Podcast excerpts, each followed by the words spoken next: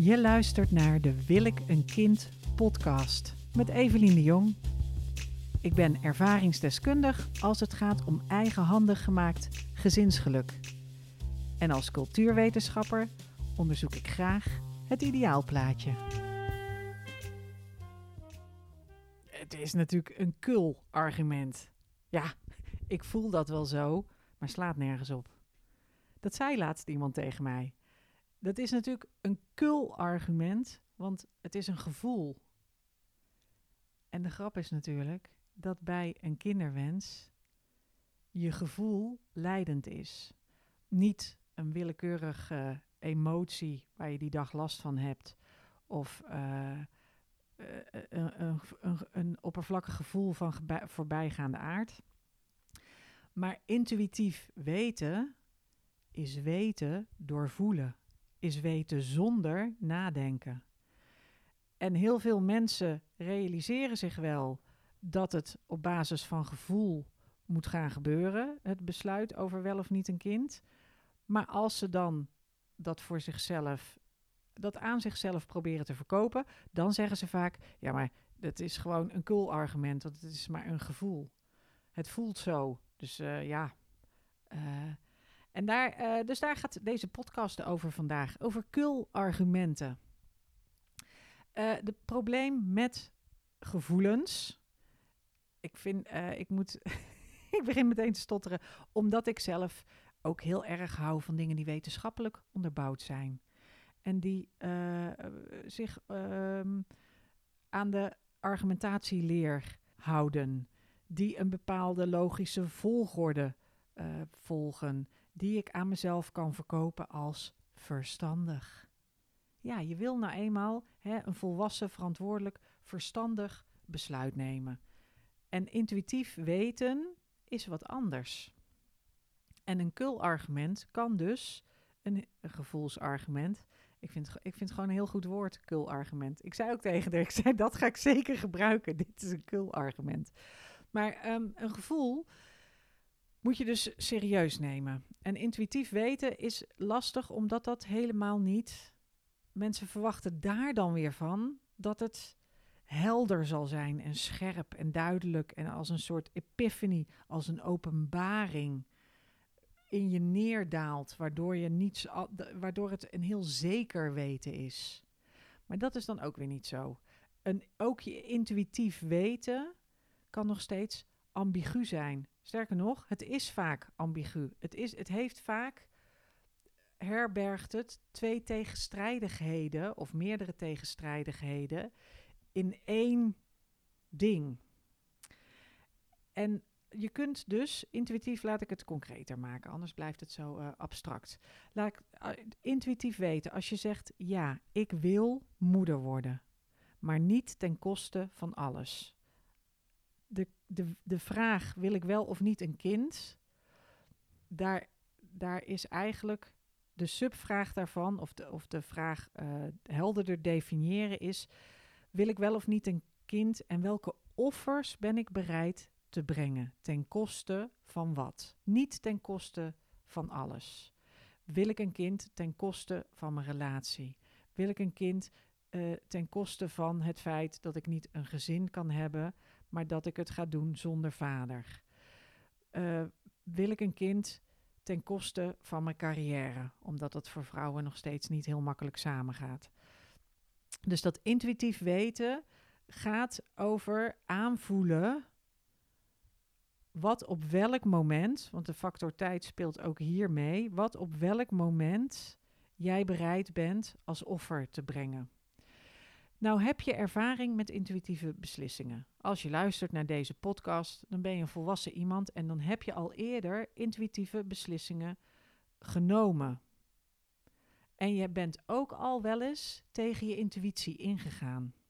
En dingen die je tegen je intuïtie indoet, die kosten al dan niet bewust, al dan niet stiekem, heel veel energie en heel veel emotie. En je doet het continu, want er zijn altijd dingen waarvan je denkt: ah, ik had gewoon nee moeten zeggen, maar ik heb ja gezegd. En nou zit ik gaan vast en ik heb hier eigenlijk helemaal geen zin in. En kan ik dit nog afzeggen? En ineens moet ik denken aan uh, de vader van een vriendin die mij een keer belde op, in Maastricht op de telefoon naast de ticketteller. Belde die meneer, meneer K noem ik, eh, noem ik hem, want zijn achternaam begon met een K.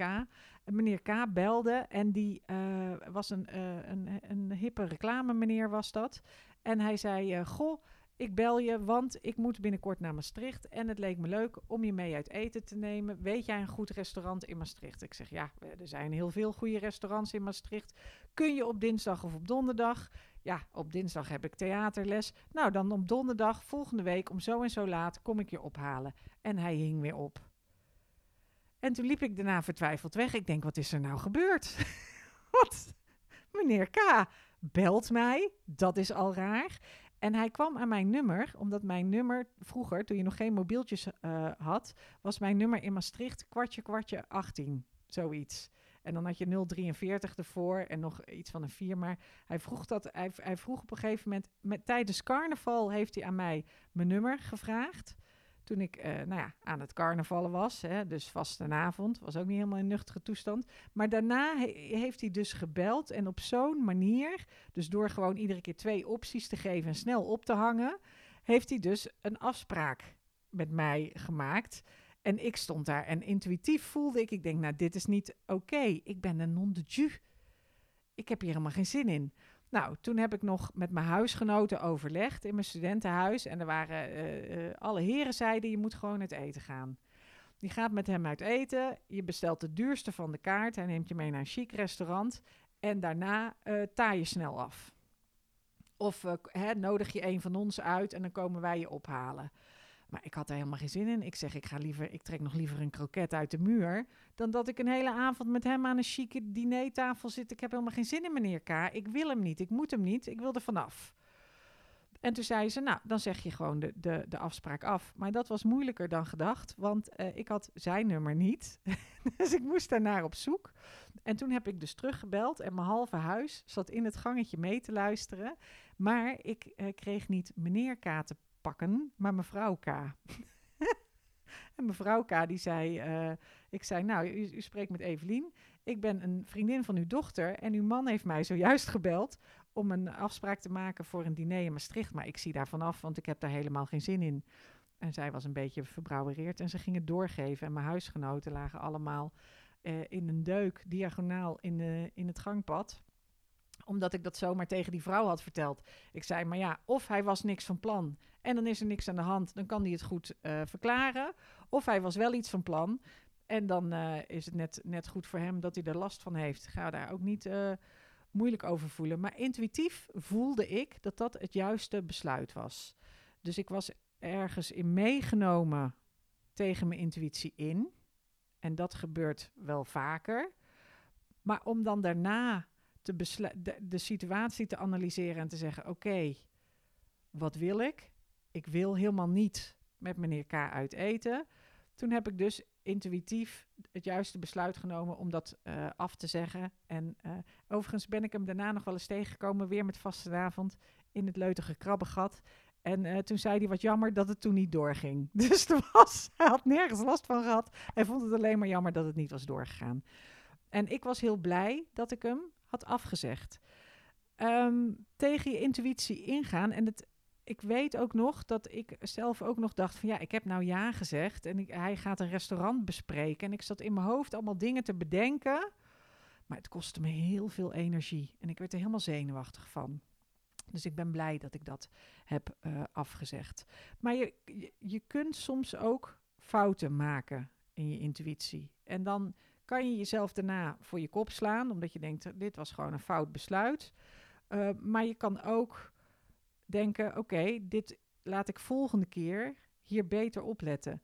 En dit is, uh, ik moet zeggen dat de voorbeelden die ik heb, grappig genoeg, uit de, allebei uit de puberteit komen. Nou, studententijd, dan ben je puberteit toch al voorbij. Maar toch een beetje zo, begin twintig, einde van de tienerjaren. Dus die meneer K, dat was uh, begin twintig. Maar het einde van de tienerjaren was... Um, ik, ik deed een werkkamp. Werkkampen vond mijn vader leuk als ik werkkampen deed. Voor Jeunesse et Reconstruction en France. Bij La Chaux Mongro ging ik een kamp leiden als nou, kampleider. maar dan van een jeugd, jeugdkamp. En um, dat Jeunesse en Reconstruction, daar ging ik naartoe. En daar hadden ze heel veel van die jongens en meiden zoals ik was. Eh, die, uh, weet ik veel, was ik uh, 17, 18. Die allemaal daar verzameld waren en die allemaal naar die projecten gebracht moesten worden. Naar die locaties gebracht moesten worden. En daar, dan, daar zouden dan alle, daar kwamen jongeren van over de hele wereld om daar een muurtje te bouwen, een kasteel te restaureren, uh, een dingetje aan te leggen of iets te metselen. Dus dat was uh, ontzettend leuke tijdens de vakantie. Een leuke bezigheid. Leuk om te doen. De fout in intuïtie die ik daar gemaakt heb, is dat ze aan mij vroegen op dat, op dat, in de, bij dat centrale punt, waar we dus met al die kampleiders bij elkaar zaten. Dat is een vervelend woord. Alle, alle gidsen, alle leiders, alle chefs chef de missions, die zaten daar samen. En de organisatie zei tegen mij: La Chaux Mongro is het verste weg van hier, het langste rijden. We hebben een logistiek probleem. Is het goed als we jou daar alvast uh, naartoe brengen? Onze chef-kok zit daar in de buurt. Kun je bij hem logeren? En ik uh, had net die chef-kok leren kennen. En mijn natuurlijke neiging is, mijn, mijn impuls is om het mensen gemakkelijk te maken. Zeker de organisatie van iets waar ik voor ga werken en waar ik toch al een beetje zenuwachtig voor ben of waar ik het graag goed wil doen, dan wil je niet te moeilijk zijn. Maar ik weet nog dat ik toen dacht, ik wil helemaal niet en niet bij die kok zitten en ik wil helemaal niet al eerder naar dat project toe. Kunnen we niet gewoon vroeger opstaan? Maar ik was ook dat ik dacht, ik ga niet moeilijk doen. Ik ga niet moeilijk doen. We bijten maar even door de zure appel heen. Of, uh, uh, uh, nou, ik, um, zo ingewikkeld is het niet. Dus ik zei, dat is goed. breng mij maar gewoon alvast naar dat kasteel. En toen uiteindelijk werd ik door die chef-kok naar dat kasteel gebracht. De angstigste nacht van mijn leven heb ik daar beleefd. Ik heb nog herinneringen aan hoe afschuwelijk die nacht was. Ik moet nog steeds een keer terug naar Le Show Mongro. Het is bij het Centraal Massief uh, in de buurt van Clermont-Ferrand. En um, het was een kasteel, weet ik nog heel goed, met vier torens, waarvan er twee torens min of meer af was. In een van die torens hadden we al allemaal bedjes uh, neergezet, want daar zouden de mensen slapen. Maar het was een, een ruïne. Dus sommige dingen waren af, de meeste dingen waren niet af. In een van die grote torens stond een cementmolen. Um, er zaten uh, geen ramen in. Maar ik, werd, ik weet nog dat ik met die chef-kok iets ging eten. Biefstuk met gesmolten brie bij vrienden van hem. En dat hij zei, joh, je gaat toch niet, je gaat toch niet in je eentje op die berg, in, dat, in, dat, in die ruïne, in dat, kas, in dat kasteel slapen. Dat zou toch raar zijn. Blijf gewoon bij mij in het appartement. Hè? Dan rijden we morgenochtend naar het kasteel. Maar ik keek naar die man. Ik dacht, ja, als ik bij jou in de buurt blijf, dan moet ik sowieso zorgen dat ik een glazen asbak kan grijpen om je knock-out te slaan. Omdat je hè, anders uh, handtastelijk wordt. Heb ik helemaal geen zin in. Ik, en toen dacht ik, ik breng mij maar naar dat kasteel. Uit een soort recalcitrantie of stoerheid, of ik heb geen idee waar het vandaan komt. Ik had dus daarvoor al het verkeerde besluit genomen, omdat ik mensen tegemoet wilde komen, omdat ik het makkelijk voor ze wilde maken. En toen zat ik daarna bij die man, bij die chef-kok en bij zijn vrienden die gesmolten brief te peuzelen. En toen dacht ik, nee, je brengt mij gewoon naar het kasteel. En toen, was hij Bert een beetje zagrijnig. Toen bracht hij me naar het kasteel. En toen stonden we daarvoor de, de, de toegangspoort van dat kasteel. En toen dacht ik, oh, helemaal fout dit. Helemaal fout. Dit is gewoon een verlaten ruïne. Een, een, een, een, een verlaten kasteel boven op een berg. En ik dacht niet eens, er zijn spoken. Nee, ik dacht, je hebt Jeunesse Reconstruction en je had ook nog een soort programma waarbij gedetineerden werden opgeleid tot vakman. om een vak te leren. En die waren daar overdag allemaal uh, aan het metselen geweest. Dus ik dacht, een van die voorheen criminelen heeft natuurlijk gehoord dat ik hier vannacht in mijn eentje kom logeren en die ligt hier op de loer. Het enige boek dat ik bij me had was de Cement Garden van de Blackbird uh, voor zo'n pocket. En dat, het plaatje erop, weet ik ook nog, was cement met een oogbol erop.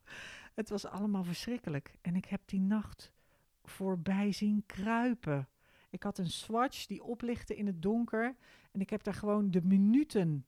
Ik heb urenlang de minuten zien verstrijken. En ik was doodsbang. Doodsbang. Er, rammelde allemaal plastic tegen de tralies van, die, van waar ramen hadden kunnen zitten. Er vielen stenen in de, in de open haard. Dus ik, ik hoorde en ik dacht, en ik, ik, denk het licht moet aan, want uh, ik moet kunnen zien uh, wie er hier rondscharrelen. Het licht moet uit, want ze kunnen naar binnen kijken, ze kunnen mij zien.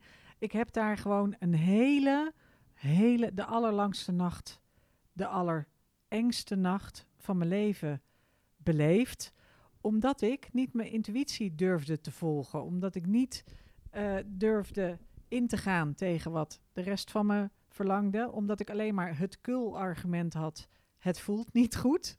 ik ben bang. Uh, ik trek het niet. Uh, ja, het voelt niet goed.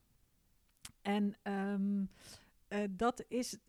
Dat, ik vond dat toen ook een kul-argument. Maar bij je kinderwens en bij een hele hoop zaken is eigenlijk je gevoel een prima argument. Tegenwoordig woon ik al een tijdje in een woongroep en eens in de zoveel tijd zoeken wij een nieuwe huisgenoot. En dan gaan we naar woongroepen.net en dan plaatsen we een advertentie. Uh, gezellig huis zoekt leuke vrouw of zoekt leuke man. En dan uh, komen daarna drie mensen op de koffie. Dus eerst moeten we op basis van brieven selecteren. Nou, dat is crap, want je, je, je gaat helemaal niet samenwonen met een schrijver. Je gaat samenwonen met een mens. En mensen die heel goed kunnen schrijven zijn niet per se hele leuke mensen om mee samen te wonen. En omgekeerd. En één keer koffie drinken zegt je ook niet zoveel. En wat er dan, uh, dan hebben we daarna, uh, een, moeten we gaan stemmen. En we moeten met z'n zevenen het eens zijn over degene die daarna voor het eten wordt uitgenodigd. En het de vervelende situatie doet zich voor dat wij dan veto-recht hebben. veto-recht over andere mensen. Het lijkt wel een uh, Big Brother wegstemprocedure. Of vroeger kon je mensen nomineren in een televisieshow. Ik weet niet precies hoe dat heette. Uh, nou, we kunnen dus, je kunt dus. Ik heb dat denk ik bijna twintig jaar lang niet gedaan. Nooit gevetood, omdat ik uit principe, omdat ik dat helemaal niet, vind ik geen prettig gevoel. vind ik geen, in mijn intuïtie is daarop tegen. Totdat ik daarna merkte dat andere huisgenoten wel zeggen van nou dit voelt niet goed. Ik, ik heb hier geen goed gevoel bij. En dan is de discussie afgelopen.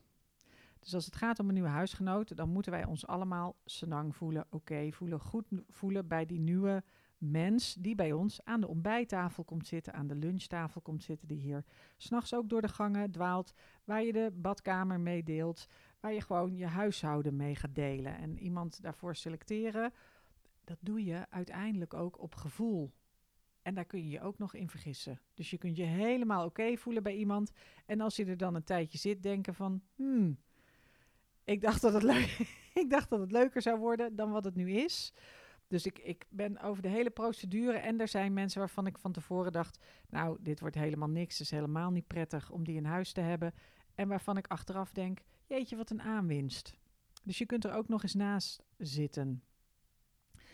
Um, dus gevoel is juist het argument, maar het is lastig om dat serieus te nemen. Het is lastig omdat ons geleerd wordt dat je gevoelens en emoties niet zo serieus hoeft te nemen. Het is lastig omdat er verschil kan zijn tussen je vroegere ik en degene die je nu bent, waardoor je jezelf niet helemaal vertrouwt. Dat je denkt, is dit gevoel dan iets blijvends of is het iets wat weer gaat? Je intuïtie kan ook nog slecht voelen. Dus dan voel je wel dat je iets moet doen, maar het voelt slecht, zoals ik had bij dat kasteel. Ik, voor me, ik had zelf wel het gevoel van ik moet tegen die mensen zeggen: nee, nee, ik wil niet tegemoetkomen aan jullie logistieke probleem en jullie oplossing daarvoor. Want het voelt voor mij niet oké. maar dat had ik dus wel moeten doen. Um, en het kan ook zijn dat in het verleden behaalde resultaten niet zijn wat je ervan verwacht had. Dus ik heb zelf verschillende carrières geambieerd. Ik heb, uh, toen ik studeerde, wilde ik daarna heel graag het klasje van BZ doen en diplomaat worden. Dus ik ben jongerenvertegenwoordiger geweest bij UNESCO. En daar kwam ik erachter dat diplomaten eigenlijk in tien verschillende talen stapels papier heen en weer schuiven. En dat past helemaal niet bij mij. Maar ehm, mijn hele afstudierichting, politieke cultuur, was wel gekozen omdat ik dacht dat ik diplomaat wilde worden. En ik dacht, dan kan ik iets met mijn Frans doen. Waarvan ik nu dus af en toe nog merde of, uh, uh, nou ja, ik binge Franse series. Maar dat is het wel zo'n beetje. Um, dus die keuze, ik heb geen idee waarom dat was. Ik heb er ook geen spijt van. Maar um, ik weet niet of dat, dat de beste beslissing was. En zo heb ik ook best lang, drie jaar van mijn leven, uh, op de Koningstheateracademie gezeten. Omdat ik zeker wist dat ik cabaretière moest worden. Ik wist dat ik uh, volle zalen ging trekken en voor een publiek wilde staan. Ik was stand-up comedian, ik werd poppenspeler. En uiteindelijk werd ik na drie jaar alles geven wat ik in me heb werd ik van school afgestuurd met: ja, je bent grappiger naast een podium dan erop. Dus dat was voor mij heel pijnlijk. En ik weet nog steeds niet waarom ik dat nou. Ik heb het echt best lang serieus geprobeerd, doorgezet, uh, voordat ik het kon opgeven en voordat ik um, mezelf bedacht van, oh, ik ben helemaal niet iemand die dat graag wil. En ik heb nog vrienden uit die tijd die nog wel op een podium staan. En als ik af en toe naar hen ga kijken en ik zit in de zaal, dan denk ik, oh ja, vroeger stond ik dan zelf nu in de coulissen zenuwachtig te zijn. En ik kijk ook net die serie Drole, Drole op Netflix over stand-up comedians. En dat treft de sfeer heel uh, goed voor mij dan. Uh, dat ik dacht, oh ja, dat je daar zo mee bezig bent en, en daar zo uh, veel voor laat en voor doet en voor opgeeft. En ik wilde dat zo heel graag. En als ik dan nu in de zaal zit, dan ben ik zo blij dat ik dat helemaal niet meer heb. En dat het helemaal niet meer hoeft. En dat het. Dus je kan ook je gevoel kan er wel eens naast zitten. Je kan best wel lang. Terwijl ik heb ook geen spijt van die drie jaar die ik daar heb meegemaakt. En ik ben blij dat, het, dat ik weet dat het niet gelukt is. Ik denk, daar had ik het over met een um, met een huisgenoot van mij die in de muziek zat en die ook werkzaam was professioneel in de muziek en die nu ander werk heeft en zei van ik weet niet waarom ik zo lang in die muziek werkzaam ben geweest, want het was allemaal leuren en sleuren en moeilijk en, en een hoop gedoe om als zelfstandig het hoofd boven, water te houden en nu heb ik een baan en doe ik muziek als hobby en dat, dat bevalt me helemaal prima. Dus ik weet niet waarom ik zo lang zo moeilijk gedaan heb. En toen zei ik van ja, ik weet ook niet waarom ik drie jaar die uh, opleiding gedaan heb en als stand-up comedian door het land getrokken ben. Ik weet niet precies waar dat allemaal goed voor was, maar ik heb er ook veel van geleerd. Ik heb ervan genoten en het allerbelangrijkste is dat het, dat het nu een afgesloten hoofdstuk is. Dat het nu niet meer iets is wat ik wil, omdat ik het geprobeerd heb. Ik heb de ervaringen gehad en ik weet dat het niet voor mij is. Ik heb er vrede mee. Dat is ook een gevoel, hè? Ergens vrede mee hebben. Maar goed, um, die, dat gevoel is dus niet een kul-argument. Gevoelens zijn eigenlijk het enige argument. Als het gaat om je kinderwens, zijn gevoelens leidend en centraal. Dan moet je natuurlijk wel weten welke gevoelens. En je moet jezelf serieus kunnen nemen. Je moet erbij kunnen komen. Je moet op jezelf kunnen vertrouwen. En tegelijkertijd moet je ruimte laten voor voortschrijdend inzicht en jezelf ontwikkelen. Je moet senang zijn of uh, oké zijn met het feit dat sommige dingen slecht voelen en toch het juiste zijn. En, uh, en je moet dus, en dat is misschien wel het allerlastigste, laat ik daarmee afsluiten. Het allerlastigste is dat je je gevoel kan je zeggen welke grenzen je wil aangeven. Dus je wil grenzen stellen naar anderen. En daar heb je je gevoel bij nodig. Maar we hebben bijna allemaal in ons iets waardoor we andere mensen niet graag teleurstellen. Je wil andere mensen niet teleurstellen.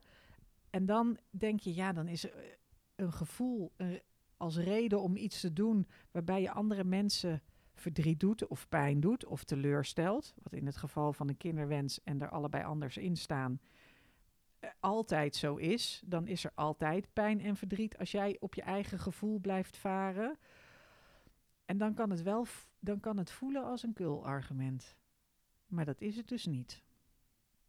En dus jezelf de grenzen leren stellen en leren praten over je gevoel op een serieuze manier. Ehm, dat is wat je te doen staat. Dat is wat je te doen staat. Nou, dus ik hoop dat na aanleiding van deze podcast niemand nog gaat zeggen: hé, hey, uh, ik voel het zo, maar dat is een kul argument. Uh, want je gevoel kan dus een heel valide argument zijn. Het hoeft niet allemaal logisch te zijn en rationeel. Um, en mocht je hier vragen over hebben, kan je natuurlijk altijd een mailtje naar me uh, sturen.